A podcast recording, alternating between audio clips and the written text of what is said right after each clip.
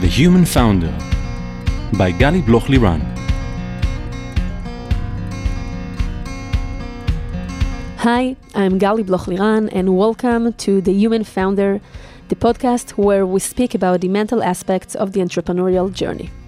Entrepreneurs often describe the emotional roller coaster that is embedded in being an entrepreneur investor, where you experience the highest of highs, such as when you close a new funding round, and the lowest of lows when you feel that a deal you were working on for the last four months simply won't happen. And it's from that place of uncertainty and the need to constantly self manage ourselves, keep up our energy, and be mentally resilient in order to deal with everything. Well, it's not that easy. In each episode, I will be talking to entrepreneurs, investors, psychologists, being their sounding board, with the goal of creating a space for this less spoken about layer, which is the mental aspects accompanying the entrepreneurial journey. I will also share tips and tricks to help boost your focus, clarity, and mental resilience. Today, I have the pleasure of speaking with Eze Vidra and Kevin Baxpehler. Hi, guys, it's great to have you here with me. Hi, Gali. Hi, Gali. Great to be here. You're both managing partners of Remagine Ventures, a VC investing in early stage startups focusing on entertainment and consumer. Kevin, you worked on Wall Street and are a serial entrepreneur. You have a BA from the IDC, and you're a mentor in Zell program. You also held an MBA from NYU Stern School of Business, married to Pascal and father to four children. Eze, you were a GP at Google Ventures Europe and the head of Google for Entrepreneurs Europe, and the founder of the campus in London, which was uh, Google's first physical hub. You hold a BA with honors from the IDC and an MBA from London Business School. You're very involved in several social ventures and NGOs, married to Robin and father of two, and the both of you are graduated in uh, the Zell program. Wow, that's very impressive. Thank you. Thank you. So, uh, speaking about vision, is Remagine VC a dream of 20 years coming true? So, no, that would be a lie. I didn't think 20 years ago that I'd uh, become a venture capitalist. Uh, I, so, I guess my uh, my journey started into finance when I joined uh, when I finished uh, graduated from the IDC and went to work for a startup uh, in New York. Eze and I actually went to work together for the Gerson Lehrman Group, founded by Mark Gerson. And um, Gerson Lehrman Group back then was a company of about 100 employees. I think today they have over two two and a half thousand employees. So it became a unicorn, um, and we were witness to that. And and they were um, a financial services company on Wall Street, and that sort of got me exposed to the whole world of finance. And upon afterwards, I did my MBA at uh, NYU, started working a bit uh, for Credit Suisse on Wall Street, and um, and um, that was sort of back back then. I didn't think I was gonna. Uh, uh, start a venture capital fund. I thought more about hedge fund and and, and, and, and, and other things. But uh, as life uh, turns out, right, they uh, it, it they uh, take you to different places. It takes you to different places. And what happened was 2008, uh, the financial crisis, and I was you know seeing Lehman go down and Bear Stearns go down, and a lot of friends being let go and, and going home with the boxes. I still still still remember that. You have this image in front of you, right? in front of me. I just had um, my first daughter was born born. She was uh, two months old. We were in New York, and um,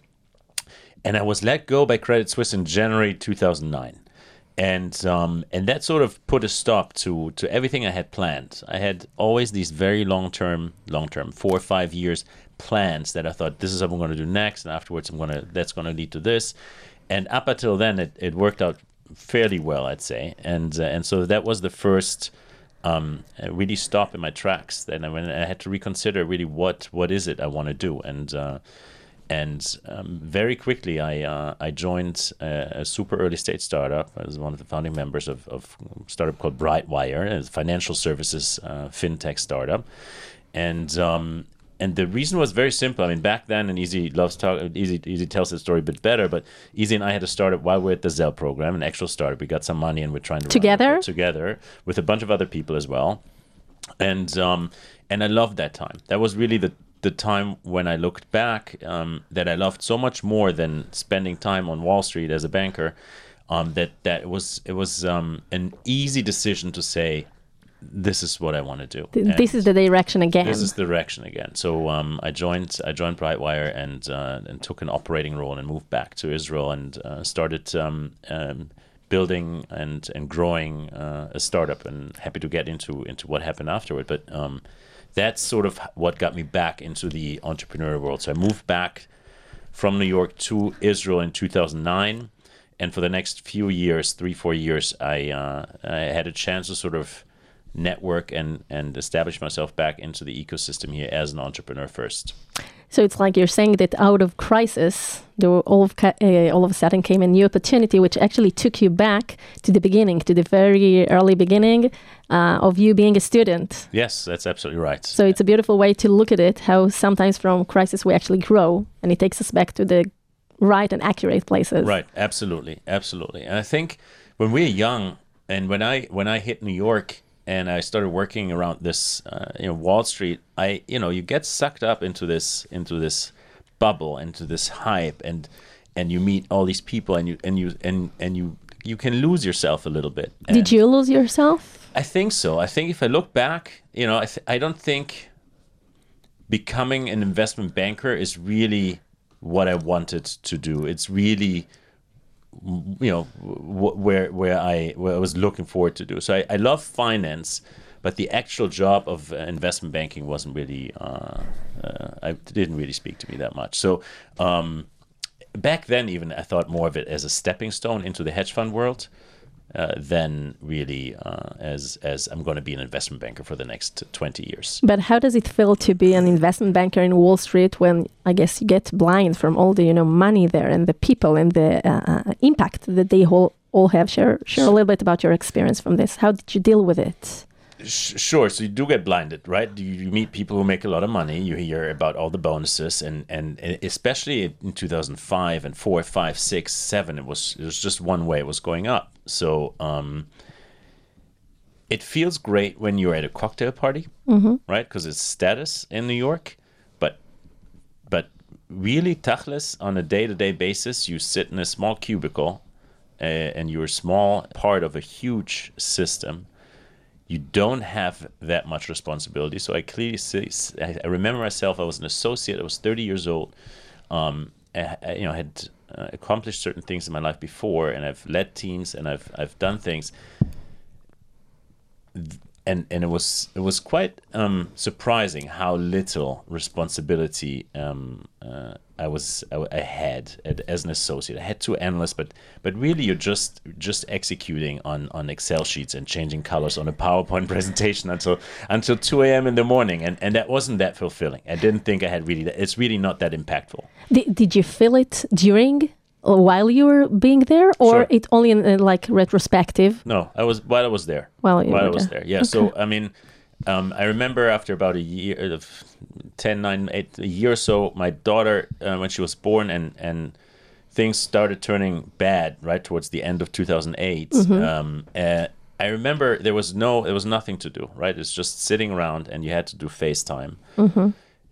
There were no deals, no, n- really no deals, and um, the managing directors were trying to find deals and so they'd give you projects to work on but it was all bullshit and i at one point just decided to go home at seven to see my daughter and my and my and my wife and people started remarking be careful like people are seeing this and you like Seven, like seven p.m. 7 p.m. and yeah, because you work until Yeah. Mm-hmm. at 1 or 2 a.m., right? So if you have 80, 90, 100 hour weeks. And um, and I didn't care that I didn't care anymore. And uh, Mm-hmm. Because you felt empty from the inside already. I don't want to say empty, but I didn't. I wasn't really motivated to sit Mm-hmm. Around and change colors on a PowerPoint, which I know was not gonna, you know, that deal was not gonna go happen Mm-hmm. uh, uh, during these times, and uh, missing out on some, you know, at least saying hi, hi to my kids. So um, things started changing then for me, and um, uh, you know, not not to say that I wasn't.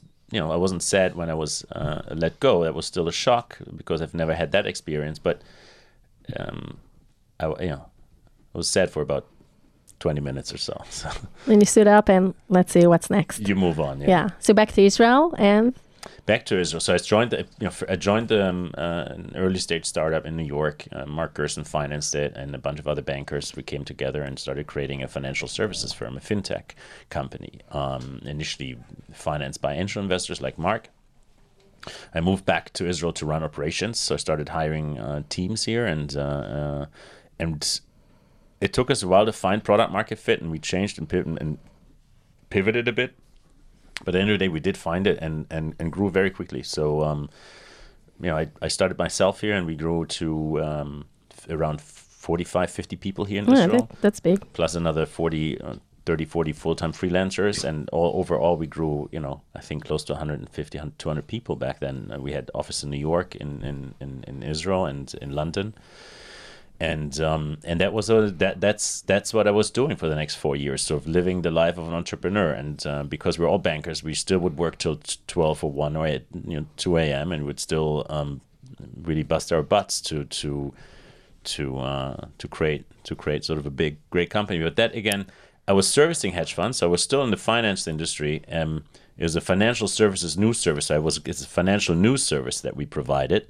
So there was a media aspect already back then to it, but um, I loved working for myself. That was the most fulfilling thing, and um, with all the hardship, I'm happy to get into that. It that it it it gave me so much more satisfaction uh, than than working for a large bank. To, to own and to be responsible and Yes. for the good, also for the challenges. Yeah, so there's no status at cocktail parties anymore, but but I, it was much much I was much much happier doing what I was doing. in, in a certain stage in our lives, we see that the status in the cocktail parties is just like, you know, something, uh, it's like a title, you know, but you have to dive deeper Yes, to see what's in there. yes, absolutely. Eze, tell us a little bit about your uh, beginning, how it all went went through. Sure. So I said from the very beginning. Um, I was born in Argentina and I moved to Israel when I was eight years old with my family. And uh, I grew up in Israel and spent my formative years here. As you mentioned, uh, went to the, I was an officer in the army and then I went to the IDC and Kevin and I met uh, during the Zell program and it was an exhilarating, um, really a great time. And um, I was very fortunate after graduating from the Zell program to be offered an internship at the startup Gerson Lehrman Group. Um, I was already leading a team um, at shopping.com, a startup in Israel, and I was fascinated with computers from basically the age of eight. So I think people that are sort of like our age or ma- maybe grew up with like a Commodore 64. like I played uh, video games that uh, were played from cassettes initially with a tape. What is it? The audience are now asking, you know. yeah. It's like a thing that's uh, collecting dust right now in a museum. um, but I was always fascinated with uh, with computers and stuff, and uh, I wanted to study something that will enable me to combine this aspect of computers, but also business. Um, my parents were doctors, like on both sides of the family. My mom is a dentist. My dad uh, passed away, but was a, a surgeon, like a dental surgeon, and you know uncles like doctors and a cardiologist, etc. And I just saw how much sacrifice that profession has, um, and wanted to do something around computers. But um, basically, during the army service, my, my dad passed away, and I knew that I had to get myself on my feet uh, pretty quickly. So I went to study something that basically I could get a job doing. And medicine was interesting, but you know it was going to take seven years minimum, and yada yada. So um, out of this program, they chose uh, like two kids to get uh, a job in New York, and it was Kevin and myself. Exciting. And I didn't really know anyone else. Uh, also, when I moved to New York, and when you just moved to to the states and you don't yet have a social security number, you couldn't even get a cell phone. So it was just the two of us for a while, and uh, it was a, a magical time. Um, but when I moved to New York, it also made me want to somehow establish a connection back to Israel. And I was very curious and interested in technology. And I then founded um, VC Cafe, which is a blog, a popular blog I started in 2005 to talk about basically Israeli startups and give a source of news about Israel that had nothing to do with the conflict. Back then, like today, it's of course very abundant, but back then, there was not much that you could find about Israel in English and about startups in Israel. And basically, that experience that we had at the Zell program, starting a startup, and then um, I was already working at a startup, like managing a team at shopping.com in Israel. And then having this startup experience in New York, the New York thing was just like taking it to a whole other level. Like I realized, like, wow, like people here are super smart. Like you sit in a meeting and it feels like you're on the highway. Like just ideas are flying and people have a lot of confidence to voice their ideas. And that um, really opened my eyes to like, okay, this is like I'm in the right place. It's very impactful for a young young boy super seeing the world all yeah. of a sudden. It's you know apart from the fact of like the tall buildings and like moving from like Kfar Saba to New York and like that uh, difference. Uh, it's it was um, really exhilarating, and we were very lucky also that uh, Mark, the founder of Gerson Lehrman Group, uh, took us a bit under his wing, and um, he was hosting these weekly Shabbat dinners at his place. And Kevin and I were the resident rabbis, uh, us and all these like you know hedge fund uh, power people, and you know like the top lawyers in New York, and it could be like a, a mix of people, like the head of Opus Dei and the guy that was building like Ground Zero, um, Great connections. it became like a, a bit of a school, like a salon that like every Friday you go to a place full of interesting people and you can be a fly on the wall or you can get involved in like many different interesting conversations and suddenly, you know, having served in the army and stuff is uh, it's a bit of a quirky thing. It's like, oh my god, like what you were a tank platoon commander? How old are you?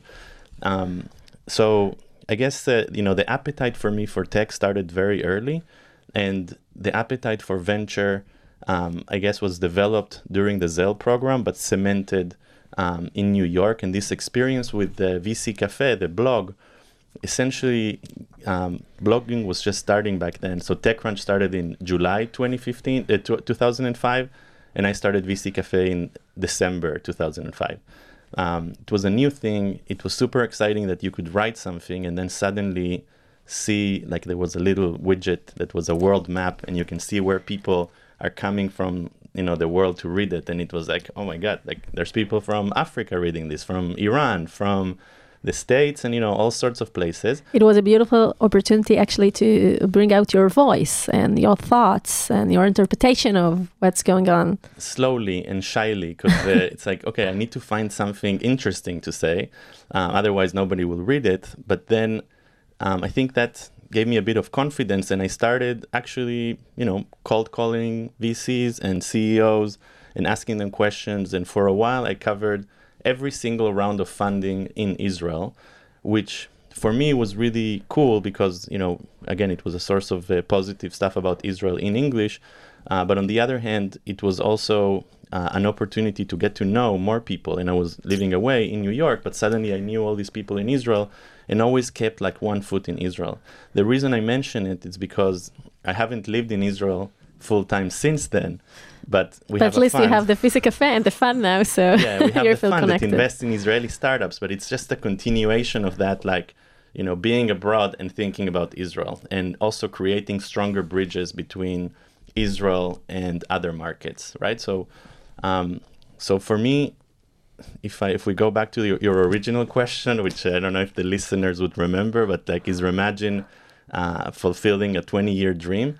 I think for me the answer would be yes because it's doing something that is very entrepreneurial, that is helping Israel and helping Israeli startups build bridges uh, with the rest of the world, and doing it with someone that uh, I know and love for 20 years. You know that we went to school together and like had our beginnings together, um, and that's you know very meaningful. That's He- beautiful. he's the romantic of the two of us. I'm not sure, Kevin. You maybe need to open up a little bit. I, I, see some romance in you too. So, so talking about the two of you, and I mean having a fun together. How how does it work for best friends that know each other for so long to work together? I'm sure it's on the one one hand it's it's fun and it's very uh, empowering, but it's not always easy, right? No, certainly it's not always easy. Um, I think specifically when you look at, at the construct of a, of a venture, a capital fund, or any really fund, any closed end vehicle that is, uh, you know, usually has a has a run lifetime of at least ten years, and every three years or so you sort of had to raise a new fund that has a lifetime of ten years. You, it's it's like a marriage, right? So you have to really um, find the right person to do this with, and uh, and you have to ideally you know each other and you ideally you know each other's strengths and weaknesses and you complement each other on on certain aspects uh, so that for sure just like any other marriage you're going to have uh, um, points of disagreements uh, and um, uh, th- that that these then can be overcome and then and you respect and, and accept each other uh, and and and move on. So I think that's something that we have established over the last uh, 18 years or so, 19 years. What do you feel is your biggest strength? My biggest strength. Yeah, that you bring into Remagine Ven- Ventures. So I. That's a good question, and maybe Eze should answer that. I, I, I consider myself, uh, you know, in, fairly optimistic. So I'd never give up, and uh, and, and and have a strong drive to succeed. So I want to, I you know, I, I don't establish a startup or a venture capital fund to to dabble around in the bottom half. I really want to create something long term lasting, and and I want to make it impactful, and, and I want to be among the best. Eze, do you agree? This is his uh, biggest I, I stra- wanna, strength. I want to answer for Kevin because okay. uh, I also would be curious to hear what he says about me. But course. Uh, I think Kevin is a former professional tennis player, and I think that level of competitiveness is needed in the world of business. Um, so that attitude, the, the optimism, and the never giving up is very important. But I think uh, maybe more critically for me, Kevin is also a, a self starter and he's great at making that first draft.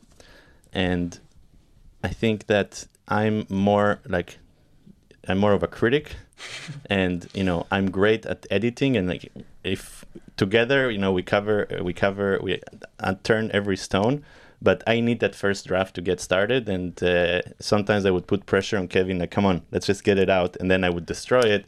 And then at the end, you know, we would argue a lot and you would have the best uh, possible outcome. But it's this creative destruction process that needs to happen. And uh, I, I don't think it can happen without trust or, you know, with too much hierarchy. So I think the equal partner thing is very important.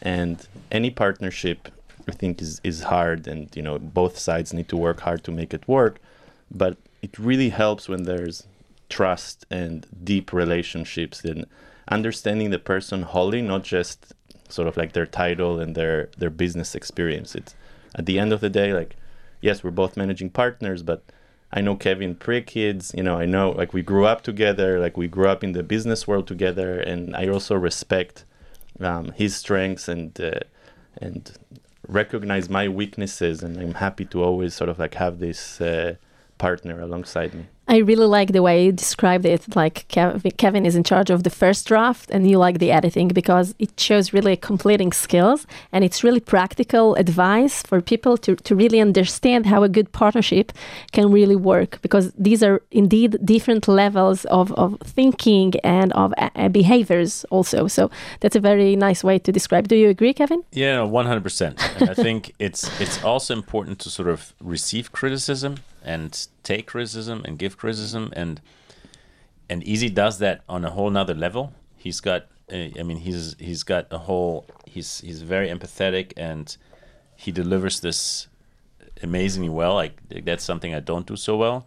And um, he's got a machine learning algorithm in his head. That's, so that's great. When we compare startups, when we look at markets and products, or at especially at how you know how would that impact um, the consumer. So right, we invest in uh, early stage seed consumer startups, which is very rare for Israel. And uh, uh, maybe it's because uh, you know his love for tech uh, as an early kid, but also certainly his skills honed at Google, that he comes you know with very very um, um, out of the box uh, thoughts and, and ideas that not only help us make better investment decisions, but at the end of the day, tremendously add value to uh, the startups that we work with and invest in. And um, uh, they they love they love him, love his feedback, and uh, and you know other than that, he reads every single news that's out there and uh, memorizes it and pulls it out when necessary. So uh, his his knowledge also is quite uh, impressive. It's not just the knowledge; it's also the integration of it and, and, and the ability to, to get the, the right data into the right place and to have insights on it. That's that's why I sometimes joke he's got this machine learning algorithm up in his head. You know, they used to call me Chazugel when we were in uh, the Zell program. How how? Chazugel. Chazugel. So yeah, so you know, Eze originally. Can I say? Eze originally is Ezekiel, right? And in, in, in, in Israel, we call you know when I met him, we called him Chezi. And when we had when we were at Zell, um, researching ideas or researching markets and products, he would would also hold on, let me Google that. Hold on, let me Google this. Let me press the Control F in my mind. So uh, after one point, we just called him Chazuge. Chazuge. Uh, it was way before we knew he was going to end up working for Google. so that was his nickname. Maybe you know it was uh, the, the Pygmalion effect. You know. Yeah, maybe. it's destined. Yeah. So Eze. What do you say is your biggest uh, strength? Um, I think that I'm I'm very curious and um I'm intellectually curious, but also socially curious. So it's it's as if you know I can't learn enough, right? And uh, when you're in venture capital, you're really like constantly learning, and you you also have to recognize that there's a lot you don't know. Most most of it you don't know, and the people you speak with probably have reached an insight that made them quit their job and dedicate themselves to this and I, I give them a ton of respect for doing that but i also sort of like want to learn that so when you're very curious and you have a big frame of reference then it becomes this like huge matrix of things and and the magic happens when you're able to connect different dots in the matrix right like oh i'm seeing this entrepreneur and i know that he's done this and that and like i have a frame of reference for uh, what's the meaning of what uh, she or he have done and then I'm able to connect it to what we're doing. And you know, when it, when something clicks, that's that's what uh, keeps me going. So I'm thank Kevin for the compliment, but I, I think it's like it's just I'm wired like that. Like I just constantly want to do it, and then sometimes the writing is the way I get it out, but uh, not enough. And the writing, by the way, his blog was mentioned by the Wall Street Journal as one of the Oh. top 50 VC blogs worldwide. And it was a while ago, but even recently, it was mentioned as one of the top 50 VC blogs worldwide. So it's it's uh, it's become a big community and uh, a source for many people abroad to learn about what's going on in Israel. That's that's wonderful, and you know also the the grit that you have toward it that you're still doing it. It's like for 16 years, right? From since 2005, something Yeah, like that. So it's since 2005. That's a lot of endurance and ability to continue write it all this time. Uh, you know, it's it's like a, a labor of love, really. But um, I would say, you know, we talked a little bit about uh, how the challenges change over time. And in the beginning, the challenge was getting stuff out there, and now the challenge is censoring myself to make to get stuff out there that really matters, or you know, like really paying attention to what I say because you know the stakes are higher, and I don't want to. It, it's not just expressing myself. It's like uh, like researching before and making sure that what I say makes sense, etc. And also, uh, uh, we've mentioned it before the, we start to rec- record that nowadays you also have some kind of you know character, right? I mean, it's a very authentic one, but you need to to step up with this. And and there are several things that you can say. There are things that you need to think about, and and not always write exactly what you want. That's right, and um, yeah, you, you sort of like censor yourself a little bit, and you have to. I think you know the, the biggest fear is fear itself. So I think it, it's it's really beneficial when you're able to let go. But uh, unfortunately, you know, I'm too self-aware, too self-critical to do that, and then it creates a bit of a writer's block, etc. But the curiosity never stops, and recently I also opened up the blog to uh, enable guest authors, including Kevin, to write, and He does it. He did it, yeah, like during Sometimes. during the missiles over Israel. Um, I told him like, why don't you write a piece about how it feels to be in Israeli tech right now? And um, you know, we tend not to talk about political stuff, but uh, you know, you can't argue with feelings and and with sort of like how it felt for Kevin to run into the shelter several times a day, or you know, work from home with four kids and.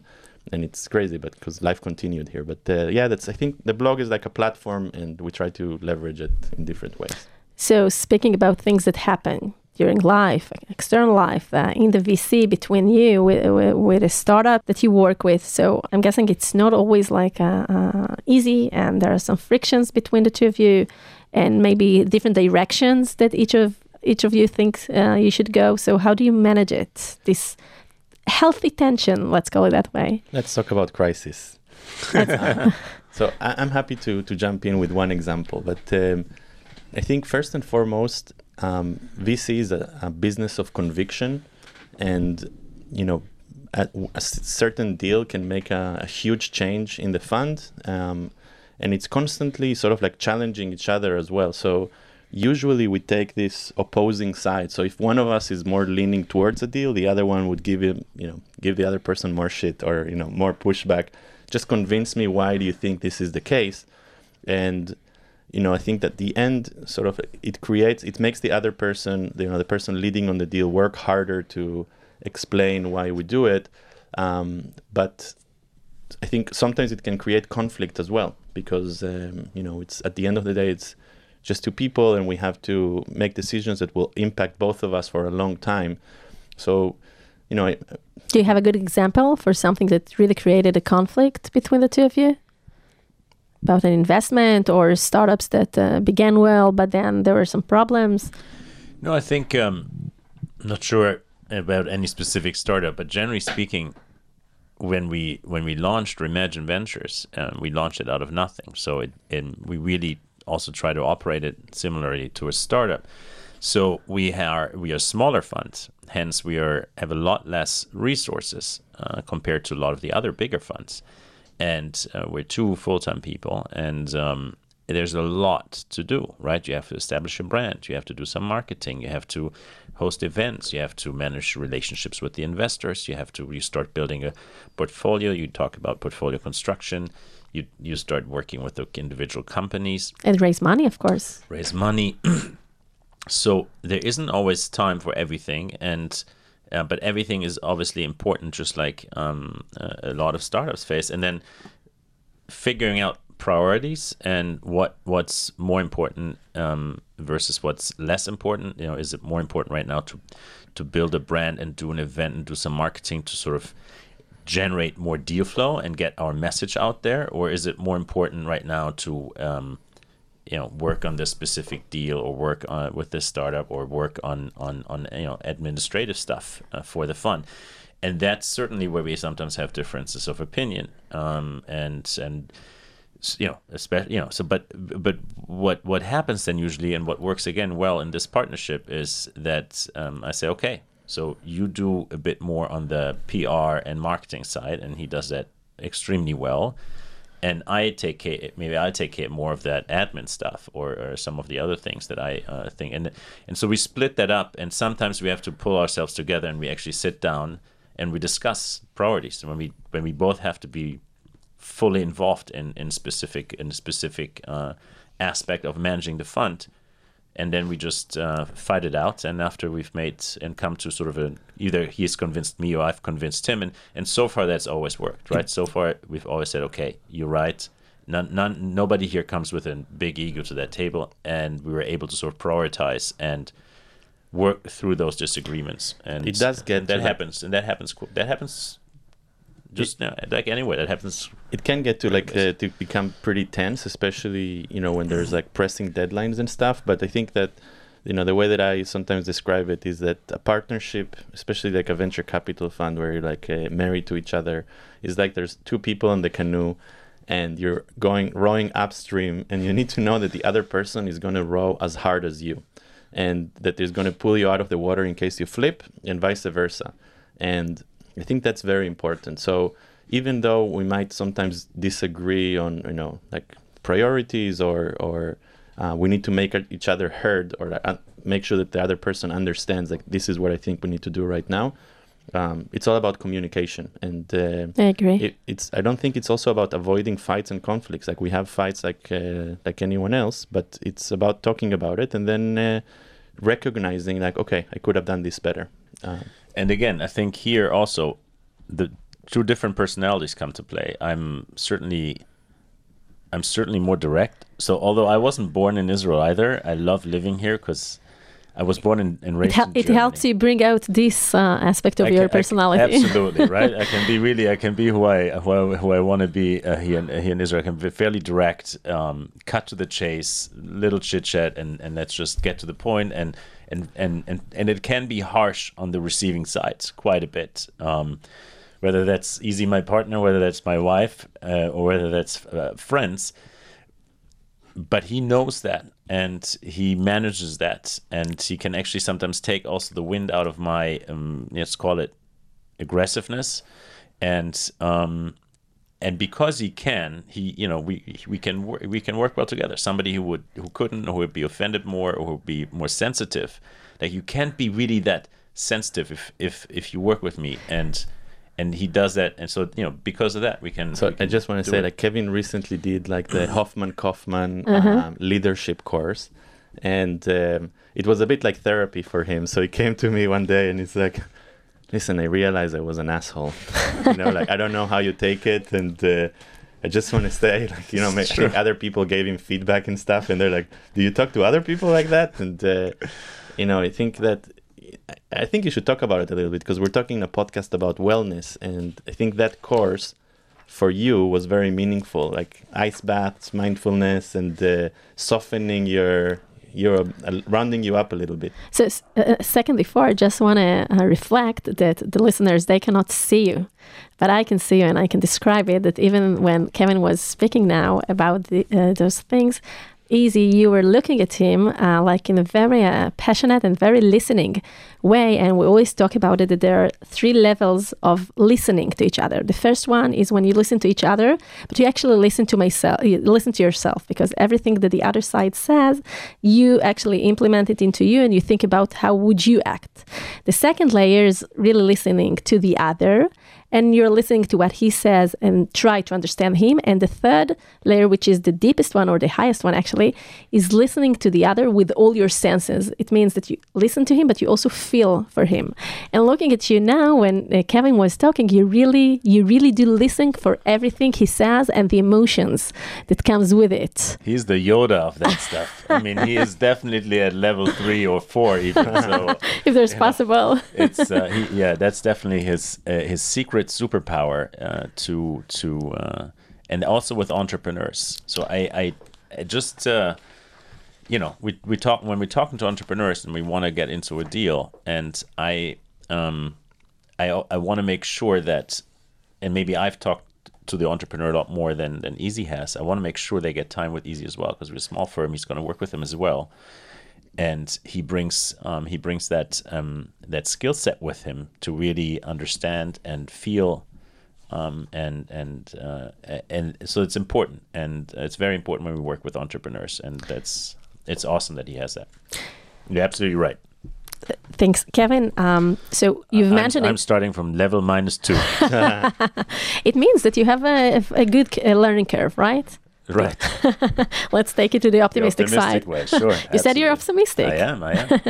So you mentioned the, the program that you're doing this year, the, the Hoffman Kofman, and also that I know that you've uh, uh, learned some mindfulness this year.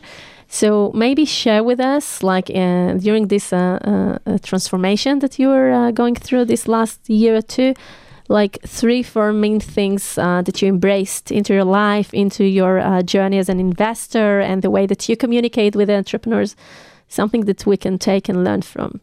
Sure. So, I mean, again, happy to talk about what what I learned. Um, so last, even before I think COVID started, at the end of 2019, through the Zell program, we had the opportunity to um, apply and um, participate in a four months mindfulness uh, program that was run by the Hoffman Kofman uh, le- Leadership Organization. And Fred, uh, Fred is a fantastic, um, super interesting guy, right? He he does a lot of uh, the mindfulness leadership um, uh, uh, training at LinkedIn. He's done that for years, and he's the coach to many of the Sil- Silicon Valley CEOs from Google to to to everybody else you you, you can think of and um, he's conduct he's basically put together what he calls a conscious business um, curriculum. And we, we so we had to read this book about mindfulness and how to conduct business in a conscious mindful way.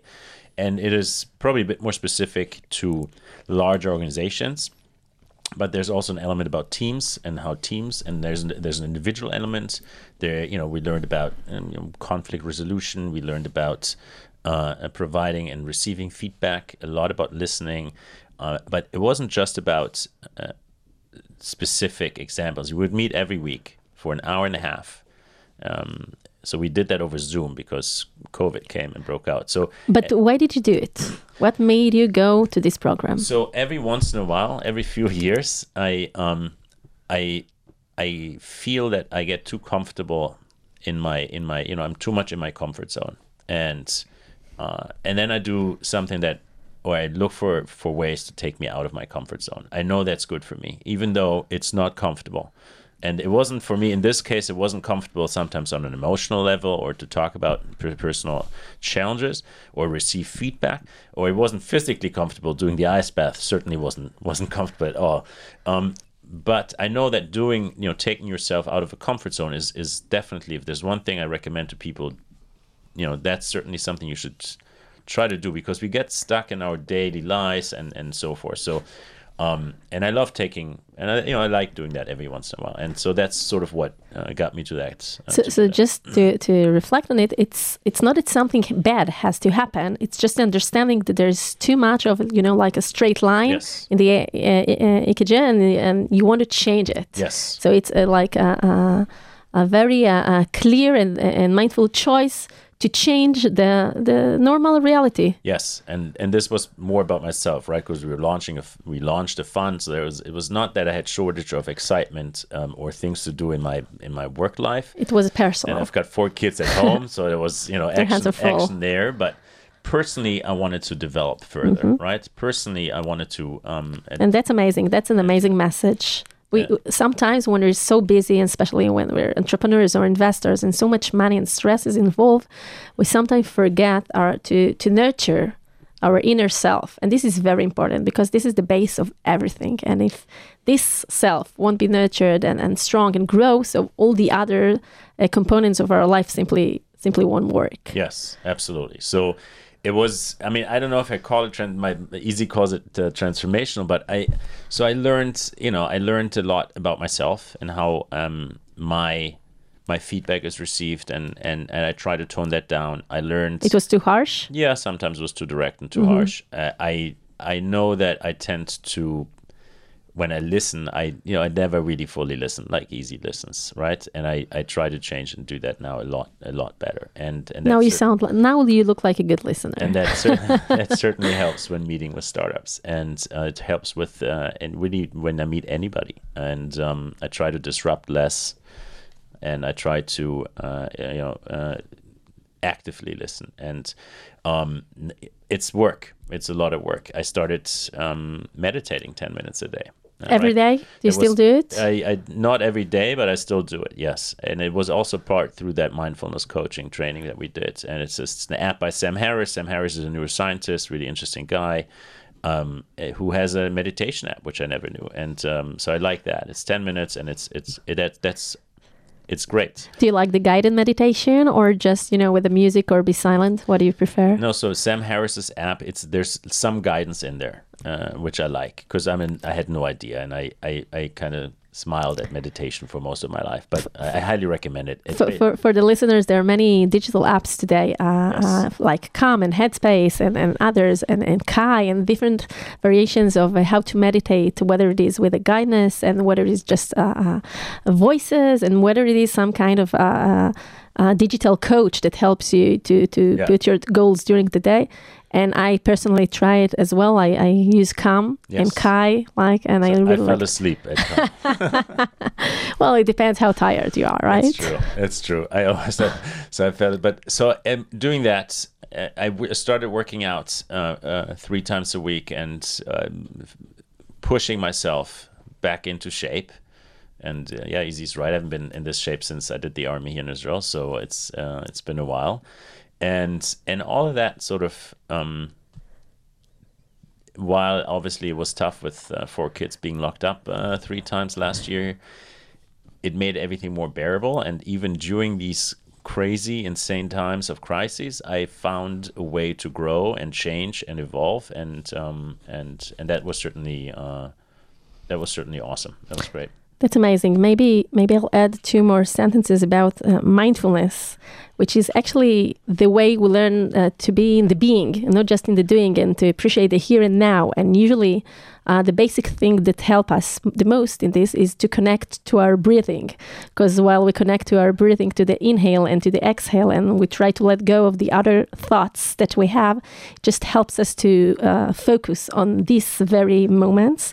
Uh, so b- breathing is one of the methods, and body scan, for example, it's also something that can help us uh, uh, to focus on the here and now. And, and the idea is just to be mindful to the things that happens and not just to worry like Eze you said e- earlier the fear from the fear right we all the time fear from what's going to happen while we miss what is really happening in our lives and i think that uh, embracing this mindset is is actually it's it's it's like a diet. It cannot be a diet. It has to be a way of life you know because if you just do it once in a while it doesn't help. If you implement it into your daily routine then it really creates a change and it uh, uh, uh, raise your uh, sense of happiness and self-efficacy and effectiveness and Eze we spoke about uh, optimism versus uh, optimalism right? So all those areas are being in much better performance if we practice mindfulness and embrace it into our lives I think it's very important, but especially now. Um, so, Gali, I think you know that like once a week I publish a Firgun post yeah where I, during the week I painstakingly collect sort of like all the good news um, of people in the industry in Israel because otherwise it gets a bit too spread out. And you know the the the concept of firgun, which uh, maybe people outside of Israel don't know the word. It's an Israeli word that comes from Yiddish that uh, is really the appreciation for other people's accomplishments without sort of like the selfish feeling. Um, it's the opposite of Schadenfreude, right? A- Like, and without cynicism it's also very important Right. to say like very pure thing it's it's like uh, it's it's it's it's important, especially because you know that other people noticed you, and you don't do it with malintent. This is not about mm-hmm. envy or like you know, it's mm-hmm. not like a, a poke. It's more like, hey, congratulations, like Mazel Tov, Mabruk. I saw that you did this, and you know, it's awesome. And and it's also part of being you know feeling abundant you know because there's enough for everyone absolutely, and if you appreciate and recognize the others so it also shines you in a in, in a good light and you know karma like everything comes back to your life and you know you, you you hope that by spreading a bit of a message of good you know maybe you brighten someone's day and like it costs me nothing to do it that's true and um, you know selfishly i think it, it's uh, it costs him a lot of time. Like we, we, we, you know, he spends. So it's really uh, because it's there's like- so much good news in Israel. Like recently, no but it's like second nature because it's like it means that i'm i'm mindfully scanning the news right like oh this happened we have a whatsapp group just for firgun. Um, you know like oh let's let's add it to this. And it can it can be that someone became a partner at a fund or that uh, a startup raised money or that someone made an exit. And you know i think it's wonderful to to be able to recognize uh, the success of others. But i also think it's it's been a really tough year and we need to recognize it. So i'm super proud of kevin for the personal growth uh, that he's gone through um, for me i would say like it was ups and downs um, you know with the, downs getting pretty deep because i was in london uh, which was for a while i don't know if you remember but london was the epicenter of the covid pandemic and the news were pretty grim. I was away from family. Skies were closed. Um, normally, I come to Israel for a week a month. Um, you know, like very very um, regular. And suddenly during COVID, it was not possible. So, you know, having um, this backup also in, a partner, I think, made a huge difference. Uh, someone to pick you up, especially if they're you know strengthening themselves, they're they're able to do that. Um, so I think that you know my message is one is is continue to learn about this and develop yourself and you know like it's important to learn about your profession but it's also important to learn about wellness and happiness and and, and self-care and you know be a bit more forgiving for yourself and and and positive and open but also have a partner that can you know that can recognize when you're down. Just a, a few weeks ago kevin sent me a cake uh, to london. No special reason he just noticed that i was down and sometimes you can't help it. And by the way like after coming to israel um, a month ago after not being here for a year and a quarter and seeing my family for the first time it felt it felt like we went through a war right? Like even worse. Even worse right? So because there was a very big uh, component of in, uncertainty you know? Like how this is going to to be. What is it actually? It was uh, something completely new. And um, and I think that you know this it it those little milestones refuel you. So um, I think it's important, especially for entrepreneurs that can be very very lonely and you're under a ton of pressure to just find those little islands of what's going to recharge you. I, I couldn't agree more. I like to call it uh, islands of joy. You know, Al- also during the day, you have to uh, to take some space for the things that uh, refuel and recharge you because you can't just be, be in peak performance all the time.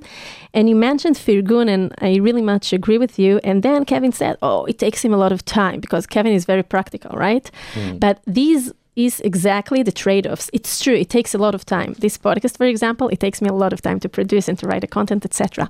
But the added value that you have on the other side, like the trade-off of this, uh, the feeling of Eze when he has this uh, is good, uh, fulfilling uh, uh, uh, vibes that he knows that he made someone else feel good. That's an amazing thing. And you know, uh, much smarter people said uh, a long time ago that when you give others, you actually give to yourself. And this is so true. I didn't mean to criticize at all. No, I'm no, I actually know, I Very know. supportive of what he does. I just wanted to say that um, there's work involved. for Of doing course. this. So he's, you know, it's not. Uh, it doesn't take him five minutes to write. Of course. things. So, Kevin, I think that you I'm should do a very, feel very good post first. for Eze in the next month. right now. No, You're learning how to live again, right? no, I, I love Live Again. I have no issue with it at all with uh, with it. So I'm very very happy that he's doing it. I think that also Eze, like every other thing, you know, when you do, you have to do it in the best possible professional way. So even in, when you're a mefargen, uh, there's no such a verb in English, you know, when you do the firgun, it really has to be from the bottom of the heart and very professional, uh, and, and it's really important. So Yeah. I'm happy that you're doing it. Thank you so much. I, I think also consistency matters because there's a difference between doing something once and then committing to do it. And I feel like, you know, if I don't do it, I'm going to disappoint people. And in the beginning, you know, getting it started, you know, okay, it's the first idea, the kernel. That's relatively easy. Continuing to do it, it's what makes it hard. But I think it's about developing positive habits, right? Like Correct. so I would I know that on Friday I would you know take less meetings and I have to find an hour to sit down and, and do this. And by the way, I take the joy of uh, creating a new little image every week. So like I play with different apps and you know make it uh, make it fun. You And- actually learn also Oh, through this totally. platform. But you know, I, I want to say something that you said about commitment. The first commitment is to yourself, and the one that you will disappoint the most. You have your audience, Totally. but it's true, and that emphasizes that when things are coming from within, they're much stronger, and that takes me back to the drive, the inner drive that we spoke about in the beginning, Mm-hmm. because you're you're investors, but it's like being an entrepreneur, right? This is a mini venture that you have, and and you need to nurture it all the time. Yep. So you have some other pretty amazing mini ventures, let's call it that way. Do you want to share it a little bit about Tech Bikers and, and the other uh, things that you do? So I, I was very fortunate um, 10 years ago to be chosen to open up uh, Campus London, which was Google's first physical hub for startups. And it's the first time that Google did it anywhere in the world. It was a seven story building in East London, what's called uh, jokingly or fondly Silicon Roundabout. and uh, it was filled with startups. So just to give you a bit of scale, in the first year alone, we did a thousand events, which conservatively speaking brought uh, 100,000 people through the doors. That's three a day, including weekends. And when I was starting campus, um, I was thinking about how to put the community together because everyone cared about their little startup, you know, little or big. But you know, what's the common fabric? What's the uh, the shared experience that they have? And uh, before I was offered the job, I, I received some very good advice uh, when I was in, even interviewing for the job. Um, someone told me you need to write a hundred day plan before you were even offered the job. And um, I was recommended a book called The New Leader's First 100 Day Plan, and I read it, and it really like resonated. And I wrote a 100 day plan, and in that 100 day plan, I came up with ideas for a lot of the programs that we ended up running at campus. Um, but one of these things, I, I was, you know, not so long after graduating from London Business School, I had this concept of um, the clubs. You know, like there's the wine club, there's the the cycling club, there's the um, you know the business club, and I'm like, how can I recreate that at campus and give people like a shared experience? So I had this idea for Tech Bikers, which is a non-profit organization that brings together entrepreneurs, investors, um, executives around long-distance cycling challenges to for charity, um, to build schools and libraries in the developing world. And I had read a book years before called Leaving Microsoft to Change the World by John Woods that was incredible. It's like a guy that was very senior at Microsoft and he went on a trip to Nepal and he was exposed to basically the poverty and how little resources kids have in those countries. And he decided to organize a bit of a fundraiser and ask his friends to send him books. And then he tells the story of how he came back to Nepal with the books and put them on a yak. And, you know, th- that really touched me. So in the back of my head, I had this, and then I had the platform of campus, and I wanted to bring the community together. And I had this idea of clubs from business school, and uh, with the help of two others, um, Tech Bikers was born that year, where I just said like, "Hey, who wants to cycle with me from Paris to London?" and 55 people signed up in 24 hours. And I said, shit, now I have to do this, but I've never organized anything like this. And by the way, I don't own a bicycle still.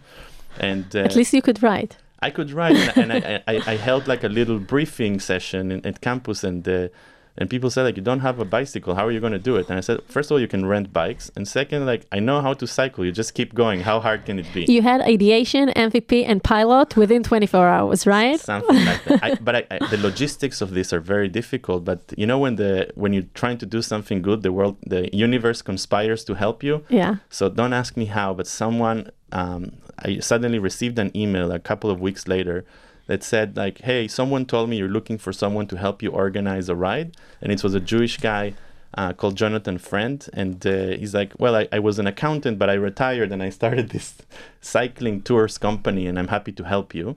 Um, and fast forward, there's about a thousand people that participated in these events. Wow. Uh, we've built 11 schools and 50 libraries Amazing. in Nepal, Vietnam, India, Cambodia, Bangladesh, Tanzania, and South Africa.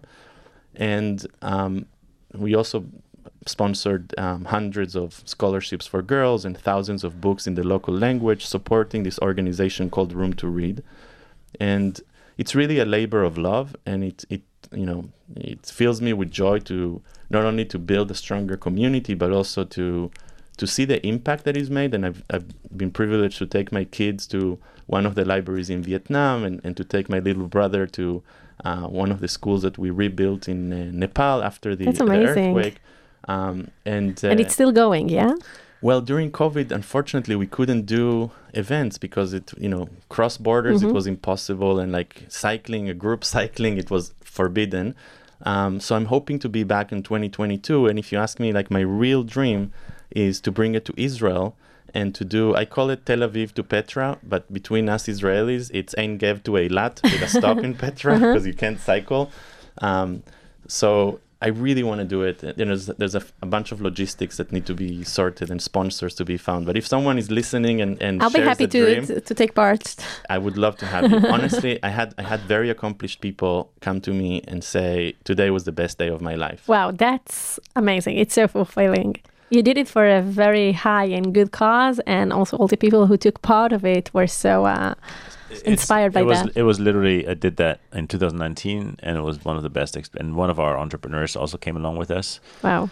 And it was literally one of the top 10 experiences I've done in my life. So it's uh, it was it was amazing. And nobody looks good in lycra, and you all suffer together because it's quite a traumatic experience. You know, like to cycle 300 kilometers if you're not used to it but uh, I think that there's this shared uh, suffering makes us all closer, and you know, like the time that you have on the road, you start thinking and processing your own issues, and you know, it's a very special, special feeling. And I'm so glad that Kevin came with me as well. That's that's amazing. Take me to a very, I mean, certain point of time when you had to deal with a very big challenge or something that was difficult for you, and you felt that the trade-offs are, are too high and you have to make like a, a tough choice there. What guided you in it? Sure. Uh, so when i joined the startup and when we once we found product market fit things were going really well. And we we raised eventually in 2010 or 11 we raised about 10 plus million dollars from matrix partners a great great venture capital fund based in boston. And we started scaling up and we without going into details we hired a lot of salespeople and didn't invest enough in in r&d and eventually we we what you know what it's called we scaled up too quickly. Basically, the salespeople and from from the top there was a lot of pressure to sell, and we were branching out into other industries we weren't ready for yet. The product wasn't ready for yet. The product was great for financial clients, hedge funds, and and and, and private equity funds, but but not for um, somebody like consulting companies like Bain or McKinsey or PR companies like Edelman. And um, eventually, we got to a point where it was clear that we we we we scaled up too quickly, and we had to we had to scale down again. And that was that was a tough that was a tough tough day, a tough call, and um, and basically the board and the and the, board decided to to reduce man count significantly. So um, it was a roller coaster ride from going from zero to you know to to 40, 50 people, and having hired every single one individually and building a team and and you know building um, a culture, and and I loved that. And it was really really satisfying. And and then coming to a point where it's like I had to basically I was given a budget of how much I had to let basically cut, and and it, it, represented about it was more than 30 people I would have had to fire um, simultaneously. And um, that was that was a tough that was a really tough time uh, because I hired everybody and because it's Israel. So I've worked in the U.S. right. The the relationships are very very different um, that em, that boss and employees have amongst each other in the U.S. versus here in Israel, and and I basically um, talked a lot to the board and investors, and at one point said, "Look, I I I think I should I should include myself. I should fire myself as well. A I I can't stand in front of these people, fire thirty of them, and continue." And, and and keep myself standing. I sort of lose integrity and myself, right? my own integrity, and at the same time, I'm I'm the biggest cost factor anyway, in the you know here in this office at least. So I talked to them about exiting. Um, so I would I would still fire. I would fire everybody, including myself. I would leave somebody capable who continued. We had some, you know, really great people, somebody capable to continue um, running um, what was left of the office and continue running the operations and um, and that's what I did. So that was that was that was really hard. So I got uh, in front of everybody and uh, had to break the news, and uh, included myself in it. And uh, and then you know in Israel you have to uh, you have to have a hearing, a shimua. Mm-hmm. So I had thirty of those in the next few days. Wow. And um, and basically what we did very quickly and where the where especially Mark Gerson tremendously helped was we we really worked hard on finding jobs for every single one we had to let go. And um, and and that took up you know the next uh, couple months or, or so of that time. But that was a time where professionally after again flying fairly high thinking i'm on a rocket ship and it's going really well hiring you know every every day we would we would hire people. And uh, whether in israel or in new york land, you know, you, you come down from a very very high uh, spot, and and that's sort of again um, that was really really hard uh, on a professional level. Uh, um, because it's really hard to deal with that kind of failure. Uh, it's really hard to to to fire 30 people in one day. And on a personal level, I've given up so much for that company, right? When you're an entrepreneur, you really sacrifice a lot. And what people often don't talk about what entrepreneurs do and, and probably artists do is creators do. What creators do is you you pay a really high price. The price is, and the, pay, the, the people who pay the price is usually the family members, the wife and the children, because you don't see them much. The birthdays, the karate exhibitions, and all that stuff that you miss, that you deprioritize uh, on a daily basis.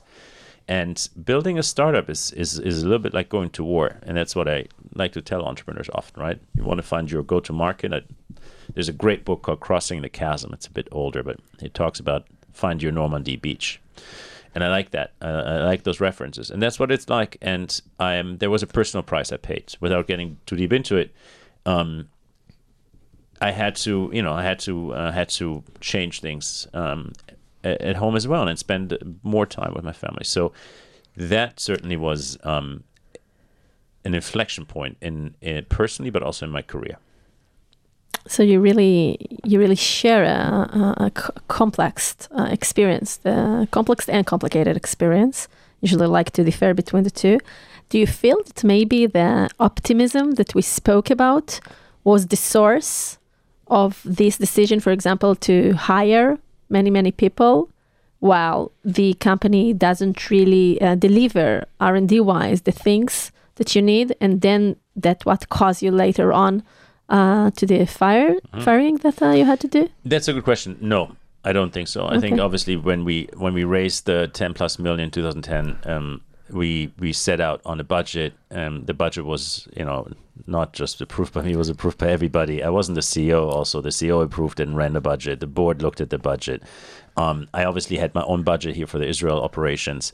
Um, and and the hiring plan was um, you know was a collective sort of uh, effort and and to be honest with you most of the hiring happened uh, in New York on the sales front so But um, still, you own it, and the responsibility later sure, on is for you. absolutely, absolutely. I had to fire the people, right? Um, absolutely. So we scaled up because also um, we hired more people because we sales increased, revenue increased, and I think, and this is something important for entrepreneurs to pay attention to is margins, right? So you can increase sales and the number of clients, but if margins, if margins aren't there and costs per in parallel increase um, you burn so much that it's just not sustainable. And today, actually, some companies that's how they sustain themselves because there's so much capital in the markets. There's so much um, and money to burn, and that you see some companies. You you know, today it's very common to have pu- companies go public not being profitable, right? Just based on it. So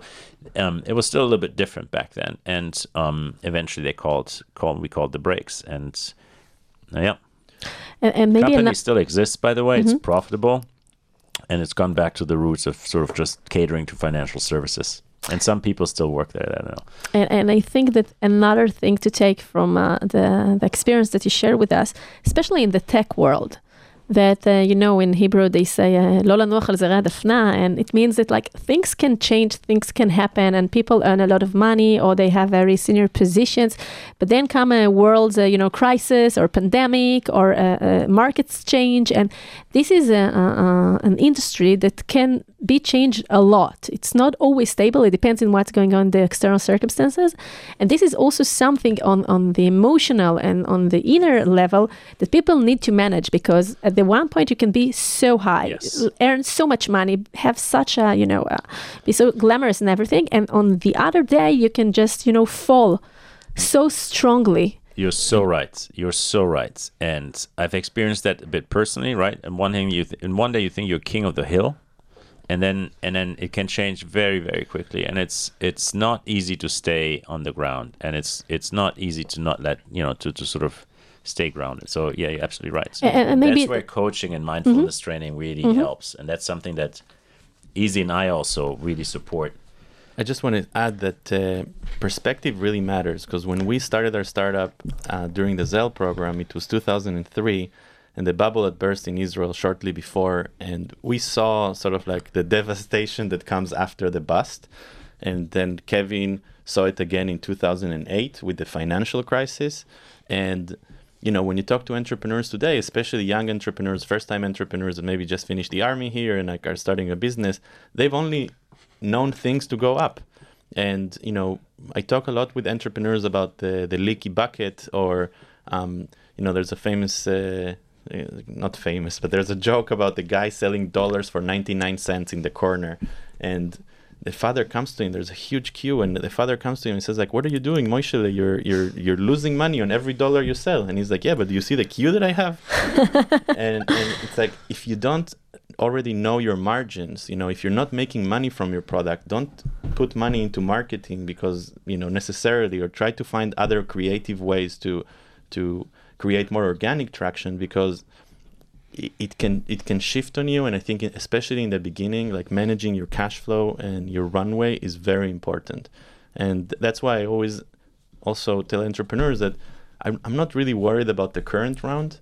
Like assuming that you're going to raise the money i more care about the next round. So how do we reverse engineer the next round? What needs to happen? You know, assuming you have the money that you want right now in the bank, what's going to happen between now and then, and always take six months earlier um, to start fundraising because it takes time until the money hits your account. And, not just that it takes time, sometimes there's an optimism bias, and entrepreneurs think that, especially now that there's so much money in the market, oh, it's going to take me two, three months, I'm going to raise funds. And no, and, and not everyone are cyber startup that you know raise so much money. And some entrepreneurs takes uh, it takes like i don't know six to seven months it can happen and then they they run out of money already. So and, and then they have to make decisions under pressure and that's not a good place to be in. It's a huge reason for um, you know the reason startup die is because they run out of money before you know faster that they could innovate. So i think it's always good to have this uh, a bit of a paranoia, you know, like you know, save for a for a wintry day, and always have a plan B, even when everything is going really great. Let's think now when things are going great, what's going to happen when things don't go so great? Um, unfortunately, you know, you can give the advice, but we're not the drivers in the car, right? Like we're um, maybe the driver instructor or the backseat the passenger, and if entrepreneurs listen, you know, it's great. If not, sometimes they have to learn it the hard way.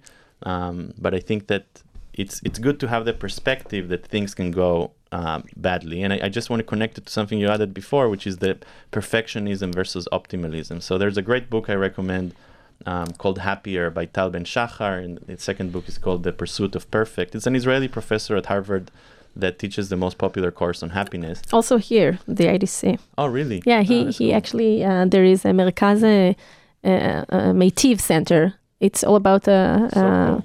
Uh, positive psychology, and he he is the founding awesome. founder of this. So so just a, a brief anecdote, but um, if you're a perfectionist, or you know, if you're a, a successful, you know, accomplished uh, young career person, you're used to putting effort, and that effort yields results. So if you look at sort of like your career progression, even if you haven't have much experience, you know, it's up and to the right, right? You put effort, you get results.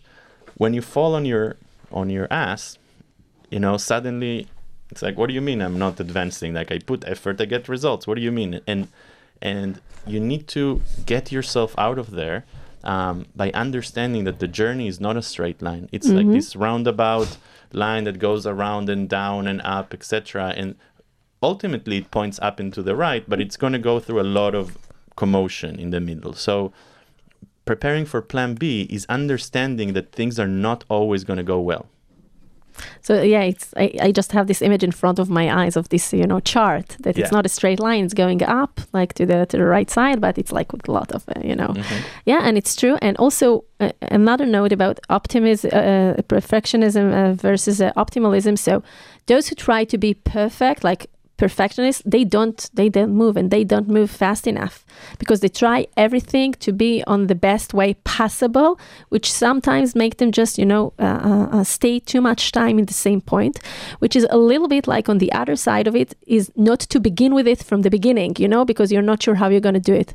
And the balanced way is in the middle. It's like the, the optimalism the excellence is to do the best that you can under the circumstances just move fast. Because for startup it's really crucial the the aspect of time and to generate results and to deliver and to fix on and during that's the why that's why I appreciate a partner that can do the first draft because I'm a perfectionist and I'm so not happy with it until it's great. Wow, guys, it's really it's really been uh, amazing talking to you today about mind, mindfulness and the partnership and uh, and the VC that you have now, and you know how you balance each other and the tips that you share with the entrepreneurs and so much more and crises that you've been through. And I really like it that you brought yourself into it, like in a very uh, a very very authentic uh, way. So first of all, thank you so much. And Thank for the you. listeners uh, who are interested to reach out to you, where they can find you. They should all email Eze. no, I'm just kidding. Uh, RemagineVentures.com and it's Eze at Remagine Ventures or Kevin at RemagineVentures.com. That's right. We're on LinkedIn and um, that's the only platform really I'm on, but Eze is on all the others as well, and uh, so you can reach out there. And you don't well. you don't need a warm intro, by the way. No. We are in the service business, so reach out, reach out to yeah, us. Yeah, So cold, straightforward. Cold, that's cold, cold reach. Cold is fine. We look at everything. That that's great. Should be relevant though, so make sure that it's a fit, right? So cyber, we don't do cyber. Well, never say never, Kevin, right? True. Keep an open mind. Uh, so, thank you again for being here with me. Uh, to our lovely listeners, we're going to hit pause until next episode. That's also something I say to the entrepreneurs in my clinic in between sessions. If you enjoyed listening, I would really appreciate it if you share the podcast with people who you think would deliver a derive value from it. Thanks to the amazing studios at the IDC that allow me to record content here. Feel free to visit my website at galiblochliran.com and leave your details there if you wish to be updated and learn more about the mental aspects of the entrepreneurial journey. Also, be sure to follow my podcast, The Human Founder, in any of your podcast apps. Let's hit pause. Till next time.